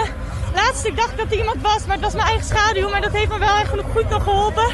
En het ziet er altijd makkelijk uit, maar dat is het eh, echt niet. Maar jij liep tegen je eigen schaduw? ja, ik dacht dat iemand aankwam, want ik zag mijn schaduw, maar dat was mijn eigen schaduw. Maar ja, het heeft goed geholpen, dus... eh. Ja, die kun je nooit op afstand lopen, denk ik, toch? Nee, precies. Dus ik vond het wel spannend, maar uiteindelijk lag ze ver achter al. Ja, ontwapenend eh, interview sowieso. Die Femke Bol heel ontwapenend. Samen met eh, eh, Klaver. Ehm, ik kom even niet op haar voornaam. Ik wilde bijna Jesse zeggen. Maar volgens mij is het wel Jessica Klaver, eh, dacht ik. Maar eh, die twee zijn echt eh, absoluut de boegbeelden van de hedendaagse atletiek eh, in Nederland. En die zijn mega succesvol. En nu ook in deze eh, ja, wereldkampioenschappen estafette was het eh, voornamelijk zaak om Olympische tickets eh, te verdienen. En er zijn echt veel Olympische tickets door Nederland verdiend Mhm. eh, in die estafettes. Ja, ik ben wel erg benieuwd als die dadelijk tegen de Amerikanen en Kenianen en dergelijke Ja, die moeten drie- lopen. De drie beste looplanden, zeg maar, die, die waren Ja. er niet bij. Nee, precies. Dus, daar Dus, ben ik eh, wel maar benieuwd ja, hoe zij zich in zo'n veld eh, weten staande te houden. En ook even daar nog ook nog verder. Eh, dit was een, de gemengde estafette. Dat was iets nieuws, Ja, hè? Waar ja, twee mannen en twee, dames. en twee dames. De meeste teams die begonnen met een man, dan twee, twee vrouwen en vervolgens weer de man die afsluit. Mhm. Best wel interessant. Hoe dat er ook die tactiek bij komt kijken. Denk je dat het veel invloed heeft, eh, de volgorde? Nee, want er waren ook eh, ploegen die het andersom hebben gedaan. Ja. Die, die, die bijvoorbeeld eindigden met een vrouw in plaats van met een man. Dus, ja, eh, wel, maar dat wel moeilijker. Ik denk ook in andere sporten waar het om een race gaat, heb je voordeel als je achter iemand aan rent, Kunt- fietst of rijdt. Omdat je er naartoe kunt eh, werken. Als je natuurlijk als de laatste, loopster, eh, laatste loper een dame hebt. Dan is in principe, als daar man, die zou normaal gesproken achter moeten liggen. En die heeft dan wel echt een punt om eh, naartoe te rennen. Oké, zullen we het... eh, We zullen het gaan zien in, de- het in de toekomst. Zullen we het in de groep gooien? Nou, dat is toch wel een goed, eh, goed argument van me, vind je, vind je niet? Mhm, zou kunnen, ja. Maar ligt eraan hoe groot de voorsprong is. Ja, dat, nou, dat ik, is weet altijd niet, zo. ik weet niet het tijdsverschil tussen 400 meter van een man en een vrouw. Geen ja, idee. eh, dat zal toch wel. eh, er zal wat, wel eh, verschil in zijn, eh, maar het zijn 4x4 eh, gemengde 400 meter estafetten zijn niet de wereldtoppers, neem ik aan. Hè? Ehm, moeilijk, dat zou ik niet durven zeggen, zou ik niet durven zeggen wat dat eh, precies eh, is. Ik was even op het zoeken wat, eh, wat eventueel de wereldrecords zijn hierin. Met 43 seconden is dat bij de mannen het wereldrecord. Zuid-Afrika in eh, 2016. Olympische Spelen Rio de Janeiro. eh 43.03. En bij de dames 47.6. Ze wel eh, behoorlijk vijf 4,5 seconden, seconden, eh, 4,5 seconden Mhm. zit, daar, zit daar tussen. Mijn eh, sportmoment eh, van de week, ja, die heb ik toch maar even uit het golf gepakt. Want ja, er gebeurde iets met een Nederlands golfer wat wel redelijk uniek is. Namelijk Joost Luiten, die sloeg twee weken achter elkaar een hole-in-one. Er zijn mensen die een hele la- leven lang eh, golven en eh, drie, vier keer in de week spelen, nooit een hole-in-one spelen. En eh, nu heeft Joost Luiten er twee achter elkaar gespeeld. Uh, eens kijken hoe hij daar zelf op terugkijkt en na het interview naar zijn eerste ronde. I did it well. That's a brilliant way to finish, isn't it? Birdie eagle. Joost, first round of 65. We've got to come on to the hole in one. Back to back weeks. Describe this one for us. Yeah, I mean, um, second hole just came off with a bogey on the first. I was a bit disappointed, so I was a bit angry. Hit a seven iron just straight at it. It was into the wind. Uh, pitched just on the front uh, edge of the green where you wanted to pitch, and it released in the hole. And uh, it was a nice one because we could uh, we could see the bottom of the hole, so we could see it was going in, and uh, it's always special. Ja, twee keer achter elkaar. Het heeft hem trouwens niet heel veel eh, gebracht deze week. Twee keer op dezelfde hole. Nee, eh, ik bedoel twee weken achter elkaar. Vorige Hmm. week heeft hij een Oh. hole in one geslagen. En deze week heeft hij opnieuw een hole in one eh, geslagen. Dus dat is sowieso knap. Maar het heeft hem niet veel gebracht. Want hij heeft zich zondag moeten terugtrekken vanwege serieuze problemen met zijn buik. Mhm. En was naar de arts gegaan. En die wilde eigenlijk meteen een kijkoperatie doen. Maar ook omdat die arts daar toch nogal gebrekkig Engels sprak in Tenerife. Heeft hij besloten om een privéjet naar Nederland te pakken. Om daar voor een second opinion te gaan. Dus inmiddels is hij weer terug. Lars van Meijel. eh, die... Maar heb ik ook gelezen van hij hoeft geen operatie te ondergaan. Ja, dat kan. Hè? Dus Mhm. ik heb niet gehoord Nu. wat eh, in Nee. Nederland gezegd is. Maar Lars van Meijel, eh, woonachtig in Maastricht, zoals al vaker gememoreerd, die is 72ste geworden. Totaalscore van min 3. maar wat ik wel knap daarvan vind, is dat alle vier of vijf toernooien wat hij nu gespeeld heeft, iedere week de kut heeft eh, gehaald. Mhm. En als je geen idee hebt wat dat is, want dat kan heel raar klinken natuurlijk als je een kut haalt. Maar in een eh, golftoernooi doen 150 man mee. En de beste 65 plus gelijke, die gaan na twee dagen door naar het weekend. En de scores lopen dan gewoon door. En enkel de spelers die het weekend halen, die kunnen prijzengeld onderling verdelen. En prijzengeld staat in golf gelijk aan aantal punten. Dus vandaar eh, dat het heel knap is dat hij iedere keer toch zijn centjes bij elkaar aan het sprokkelen is. Maar het volgende over golf, even mag ik nog even iets Ja, hoor. Ik heb eh, ook gezien de Ogle Air Premier LA Open. Zo. Dat is een behoorlijk golftoernooi voor dames. En daar staat kameraadschap voor op. Want op hole 17, eh, wat de- van de laatste ronde, deed Jiko, een eh Chinese, mee en, en zekere Henderson. Jiko die holde uit op 17, nam haar bal en liep weg. En Henderson ging toen de, de puttinglijn bestuderen. In de tussentijd tiede Jiko al op op 8. Oh, dat is netjes. ja, dat is lekker, hè? Zoiets. eh, Ja. die dames, dames onderling ook, hè? Altijd ruzie. Nog een ander eh, klein dingetje, die zou ik als muziek kunnen spelen. Maar eh, Wil Besseling, daar vorige week ook over gehad, die had een positieve coronatest afgelegd. Dus die mocht deze week niet spelen. Die zit tien dagen in quarantaine op Gran Canaria. Dat klinkt natuurlijk heel fijn, maar als je niet van je hotelkamer Ja. af mag, dan Mhm. schiet het niet echt op. Hij was daar samen met zijn caddy, eh, Van Oosterhout uit eh, Brunsum. En om de tijd te doden had eh, Martijn even een, eh, een gitaar laten komen, besteld. En nu staat hij iedere dag, staat hij hier op de achtergrond, staat hij muziekje te spelen.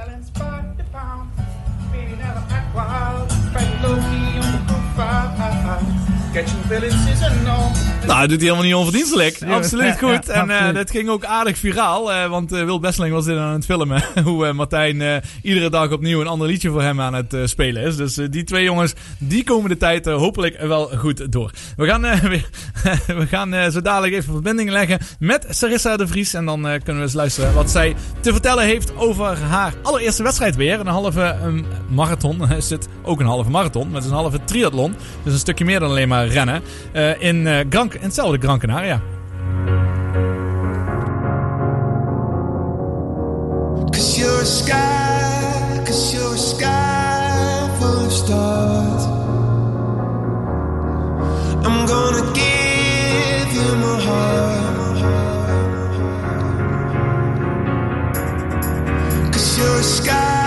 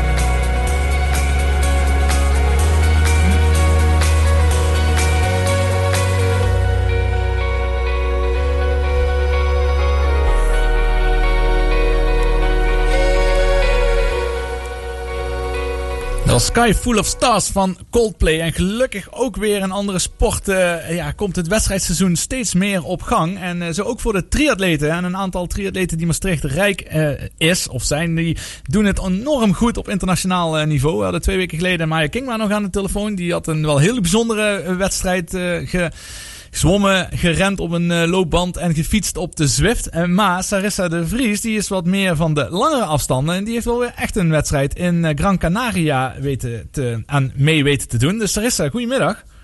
Hallo. Wat lekker dat je weer eh, een wedstrijd hebt kunnen ja, zwemmen, fietsen en rennen, toch? Ja, was echt heel fijn. Ja, het was zo'n. Ja, ik was eigenlijk ook niet eens zenuwachtig voor de wedstrijd. gewoon omdat ik zo blij was dat ik weer kon racen. Ja, kan ik me alles bij, eh, bij voorstellen. Maar even, want dit was een, eh, een, een halve triathlon. Ehm, jij bent vooral van de lange afstanden. Als eerste, heb jij een voorkeur voor de volledige triathlon zoals een Ironman of een, of een halve afstand? Ja. Ja, mm, ik, ik zou zeggen. eh, ja, ik vind het lastig. Op dit moment heb ik me wel voorbereid voor een halve. Ehm, eh, omdat er nog niet echt eh, hele triathlons in Europa zouden zijn. Mm, maar voor de tweede helft van het seizoen wil ik me wel weer voorbereiden voor een hele. Of ja, ik weet het eigenlijk niet. Moeilijk. De, de halve is, heeft iets meer, ehm, eh, ja, iets meer snelheid. Dus dat is heel leuk tactisch gezien. En de, en de hele is iets meer de race tegen jezelf. Wat ook heel gaaf is. Ja, dat kan me heel goed voorstellen dat dat eh, verschil er is. Dat er veel meer eh, tactiek bij een halve eh, komt kijken. Of hoe korter het wordt, hoe meer een race wordt met het fietsen, met het zwemmen, et cetera. Even over die, het was de challenge van Gran Canaria. Kun je vertellen wat voor soort wedstrijd dat is? Ehm, ja, ik probeer het meestal zo uit te leggen. Dat mensen kennen vooral in Maastricht wel de Ironman van Maastricht. Ehm, maar binnen triathlon heb je verschillende merken, verschillende brands. Dus als Ironman zeg maar de Coca-Cola van triathlon is, dan is ehm, eh, Challenge de Pepsi.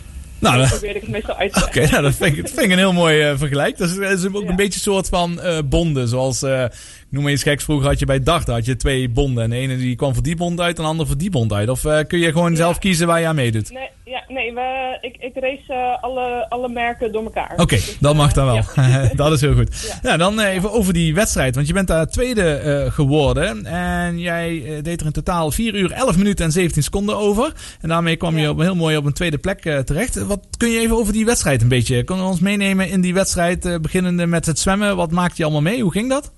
Ja, Ehm, nou, het zwemmen was, eh, was in de zee, was wel heel gaaf. Het waren twee rondjes van, ehm, ja, to- was totaal 1900, dus dan heb je twee rondjes van 950 meter. Ehm, en dan moesten we na, eh, na één rondje even het strand oprennen en daarna gelijk weer terug het water in. Ja, ik kon mooi achter eh Nicola Speerder zwemmen. Die eh, is, heeft in Londen Olympisch goud gehaald op de, op de triathlon. En in Rio werd ze tweede. Dus dat was al wow, van, eh, ja, super gaaf. Ehm, na het zwemmen moesten we een hele steile heuvel oprennen naar de wisselzone. Dus dat was, was eigenlijk al gelijk afzien. Ik heb eigenlijk in, die, eh, in het rennen naar die wisselzone de hoogste hartslag van, van de dag gehaald. Zo. Eh, om, om maar niet ehm, de aansluiting te verliezen. En wat is dat dan? Ehm, Jouw hartslag dan? Wat is je hoogste van die dag? Eh, volgens mij was het 182. Nou, dat is een serieuze sprint dan geweest, ja. ja. Ehm, ja, daarna mochten we het fietsparcours op. Dat was eh, vier rondjes. Eigenlijk gewoon een heen en weer parcours langs de kust. Totaal 90 kilometer. Ehm, en heel heuvelachtig. Ja.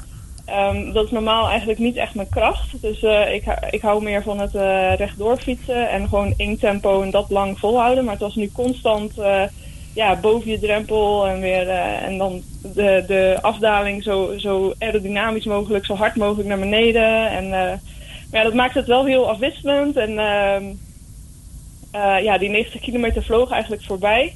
Ik heb toen Nico de Sperig uiteindelijk wel moeten laten gaan. Zij, eh, zij, zij, zij is een stuk lichter, dus zij ging heuvel op, heel makkelijk.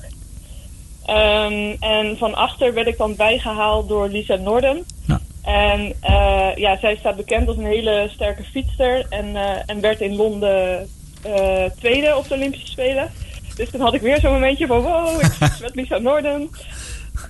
Dus dat was, ja, ik kon haar uiteindelijk wel in het vizier houden. We mogen op de lange afstand niet, eh eh, niet draften, dus ik moest eh, Ja. 12 meter afstand houden. Dus dat is een verschil eh, ten opzichte van de Olympische afstand, hè? Want daar mogen jullie wel gewoon als soort van kopgroep of kop over kop met elkaar gaan. Maar jij mag dus niet, ste niet eh, steren. Nee, Ja. nee.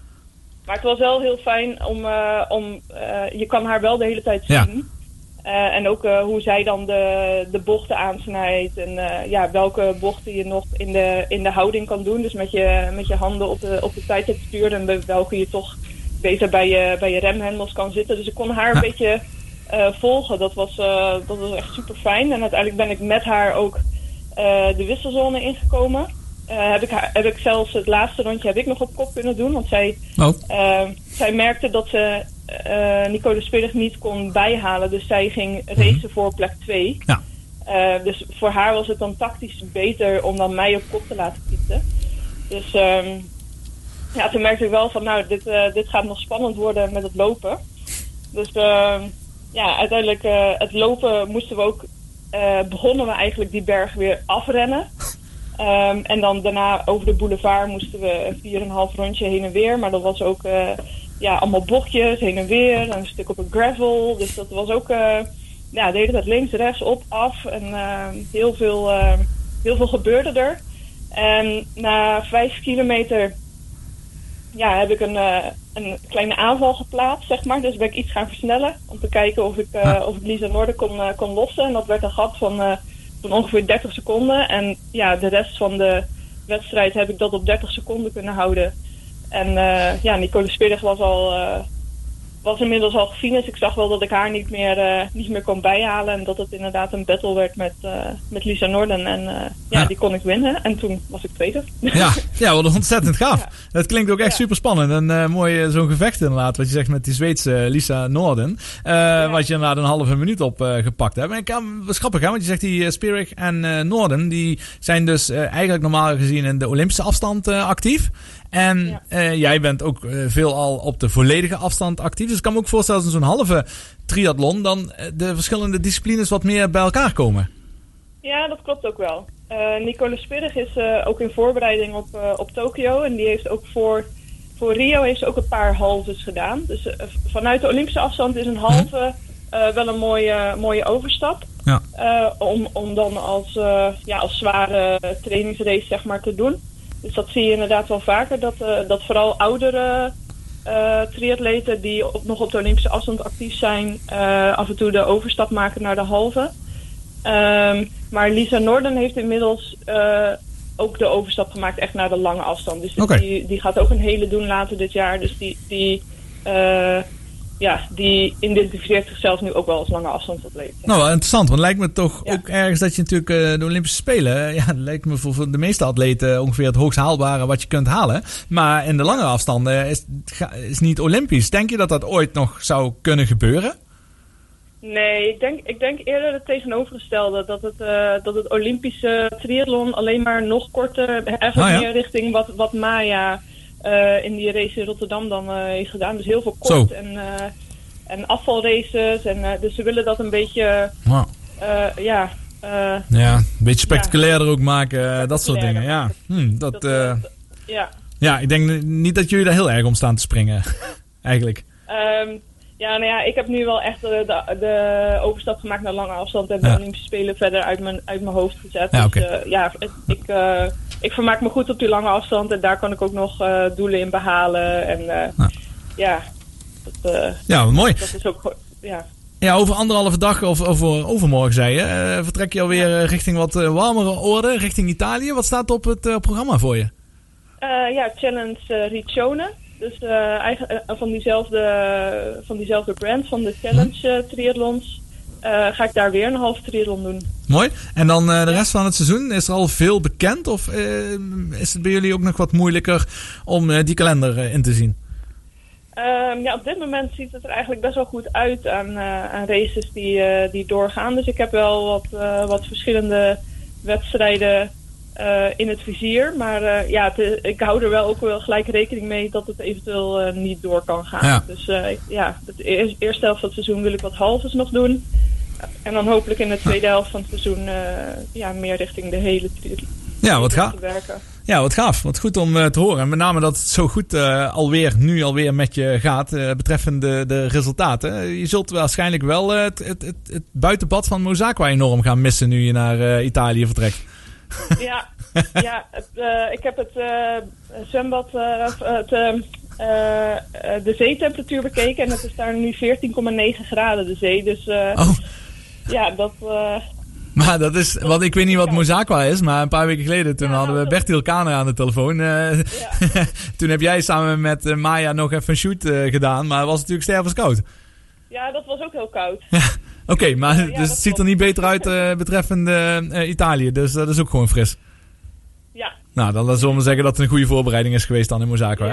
Ja, ja, mooi. zien, dat is waar. Ja, nou Sarissa, super. Dankjewel eh voor je tijd en eh, voor je mooie, mooie verhaal. En eh, ja, we gaan, je natuurlijk enorm veel succes wensen in Italië. En we blijven je zeker volgen de komende periode. Nou, heel leuk om te horen. Mooi zo. Hey, succes Sarissa en bedankt hè. Hoi hoi. Oké, hoi. We are young,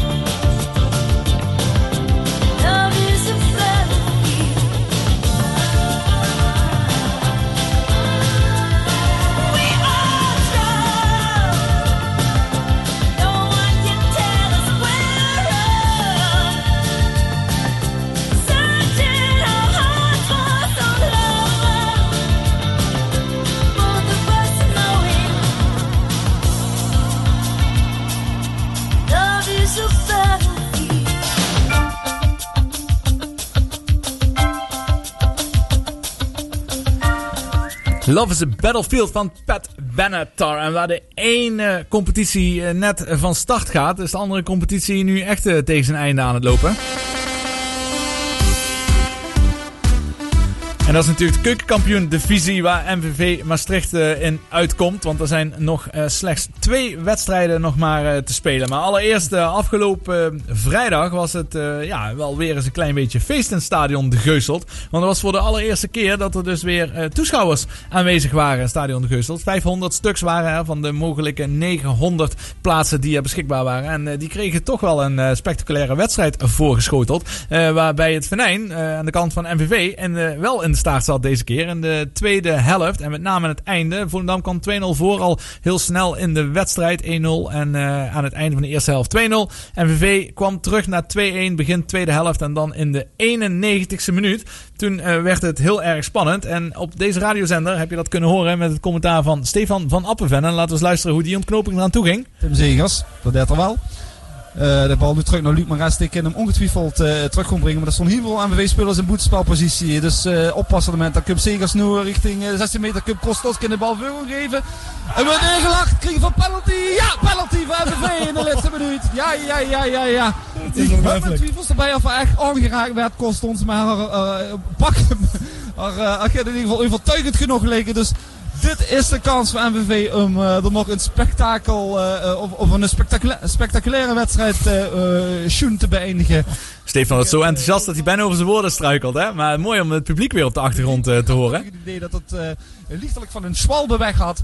Uh, maar laten we erop houden dat er ergens wel misschien geraakt is. Uh, en nu uh, stonden de spelers toch, of de, de supporters stonden op de banken. Die al lichtelijk op weg waren naar de uitgang. kunnen nu toch nog gewoon kijken of Arne Nuits, want hij heeft de bal in hand. nog voor de 2-2 kon zetten. Het zou toch heerlijk zien als hij nog een punt gepakt werd. Uh, Arne zit hem klaargelag. Uh, gaat nu de onloop nemen. Uh, shot de bal erin. Het is 2-2. FNV pakt nog een punt tegen FC Volendam.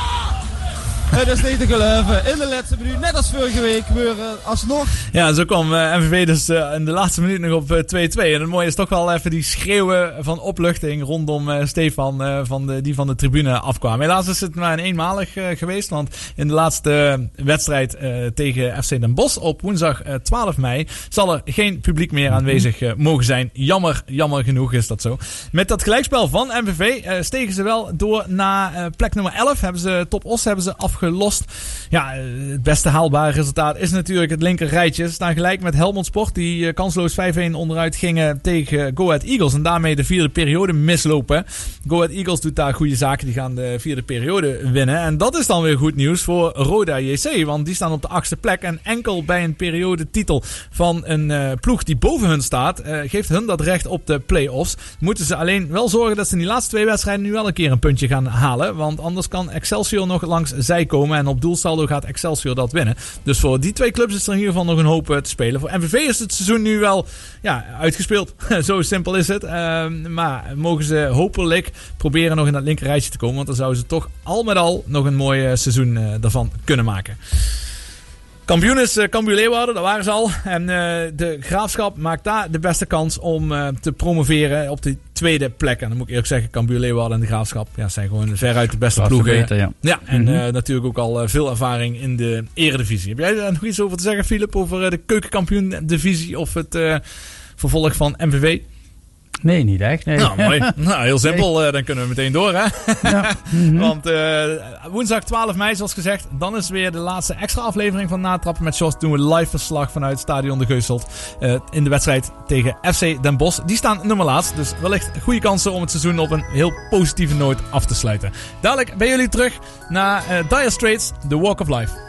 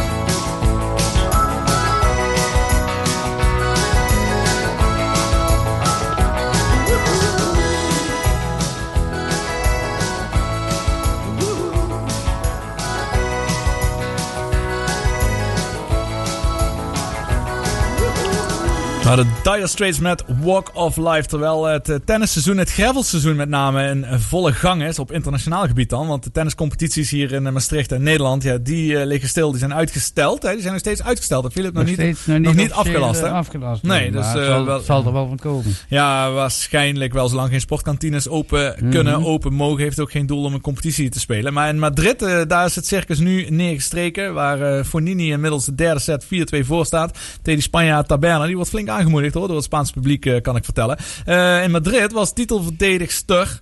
Kiki Bertens eh, natuurlijk weer aanwezig. Die won de eerste ronde van een, volgens mij 15, 16-jarig Ja, mhm. wildcard. Mhm. Ja, en heeft dan toch weer verloren helaas in de tweede ronde. En dan is nu wel het moment daar dat ze uit die top 10 gaat vallen na heel wat jaren erin gestaan te hebben. Ze gaat nu naar de Ja. 17e plek. Ja, blijven het volgen, maar ik zie dit niet heel snel omdraaien. Ook in zo'n Fed Cup, die Billie Jean King, King Cup heet dat Mhm. tegenwoordig, heeft ze dan wel de eerste wedstrijd gewonnen. Maar als je ziet hoeveel emotie daarbij vrijkomt en hoe moeilijk dat het voor haar is om aan niveau eh, te spelen of in ieder geval vrij uit te spelen.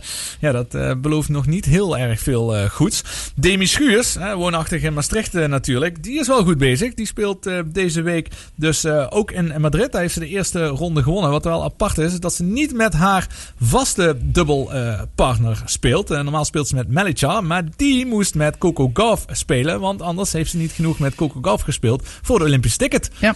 Van daaruit door speelt ze met eh, Dabrowski. Dat is een Canadese. En eh, hebben de eerste ronde hebben ze daar gewonnen. Want het eh, toernooi in, in Madrid, dat is een ATP eh, 1000 toernooi, Masters toernooi. Dat duurt wat langer. Dus daar zijn ze deze week zijn ze daar nog bezig. En ook dubbel nieuws. Wesley Koolhof, wereldkampioen eh, vorig jaar geworden hè, in de ATP Finals. Die is al, eh, ook alweer gestopt met zijn partner uh, Mektic, waar hij mee gestart is. Ja, dat zie je toch vaak. Hè? Dan heb je een goede combinatie. Die gaan dan om eh, een beetje vage redenen gaan ze uit elkaar. En dan allebei die, die, die combinaties die werken dan toch niet lekker. En hij gaat eh, nu spelen met eh, Jean-Julien Royer. Mhm. Ook met het oog op de Olympische Spelen. En dat vind ik dan wel weer ja, slim. Ja, tuurlijk. Ja, zeker. Want veel anders was er niet, hè, denk ik, voor hem. nou, dat, ik denk dat dat wel meevalt. En ik denk dat eh, wel is veel met- ook over zijn top heen, Ja, hè? dat is wel het gevoel wat ik heb. Ja. Mhm. Voor de Olympische Spelen is het goed, maar ik denk niet dat een eh, Jean-Julien Royer nog eh, echt de, de, de hoogda- hoogdagen nog heeft. Terwijl Nee. Koolhof eh, natuurlijk wel de wereld eh, voor zich heeft. En die staat eh, gewoon top 10. Ehm, verder is Roland Garros het grootste toernooi natuurlijk in aanloop. eh, waar, waar ze nu aan het voorbereiden zijn. En dat start over 20 dagen, dus een weekje later dan normaal. En het mooie is dat er wel wat publiek aanwezig gaat zijn, toch? Daar mag publiek bij, ja. Ja. Maar het verschil was tussen ons, of van het verschil van mening tussen ons, wat jij zei, elke dag 5000 man. Maar ik dacht alleen tijdens de finale, is 5000 man. Ja, het zou, het zou, zomaar, het zou zomaar kunnen. Dat ligt eraan hoe goed we het eh, gelezen hebben. Ehm, wie denkt trouwens, eh, het gravelseizoen kijkende, want we zijn natuurlijk een paar weken bezig. Wie zijn de grote namen op het moment? Ja, Nadal nog altijd, ja. Ja. En, en de rest, die jongeren, die kunnen op alle banen wel een beetje uit de voeten, maar niet echt Mhm. die top wat eh, die gravelbijters hebben. Nee, eens. eh, Nadal, ik vind het ongelooflijk. Ieder jaar wordt gezegd, ja, het zal toch wel de laatste keer zijn dat hij Roland Garros wint en dat hij zo goed is. Maar hij bewijst het ieder jaar weer opnieuw. En eh, hij is ook absoluut weer de favoriet voor Mhm. Roland Garros op het moment dat er eh, best of five gespeeld wordt. En zo'n Tsitsipas, die doet het super knap, super goed, net als een Zverev. Maar als het echt die grote toernooien zijn, best of five, ja, dan is die mentale voorsprong van de, de grote mannen zoals Nadal en Djokovic wel aanwezig. Dus dat over een paar weken. Zo dadelijk, veel dichterbij, is natuurlijk weer tijd voor Café Us Maastricht. Dus gaan we eens even weer vragen in de preview. Wat eh, staat er op het programma vandaag, eh, heren? Eh, ja, we hebben natuurlijk weer een hele hoop nieuwe muziek van Wies en Jerome. Even kijken, Katja die heeft een plaatje gemaakt over Hennekes hè. Heel belangrijk in zijn tijd natuurlijk. Ja, en gewoon al leuke toppers, dus eh blijf vooral luisteren. Ja, dat eh, zal we zeker eh, doen. Eh, voor ons zit het erop. Eh, wij gaan eruit en bedanken weer iedereen voor het luisteren. Volgende week zijn we er niet. Dan eh, ben ik in ieder geval eh, verhinderd. Heb ik andere verplichtingen. Ook op sportgebied moet ik opnames maken. Maar de woensdag ben ik er natuurlijk wel 12 mei met de wedstrijd van MVV tegen FC Den Bosch. Door. Zo, dat klinkt aangenaam. Ook heerlijk zorgeloos wonen? Ga dan nu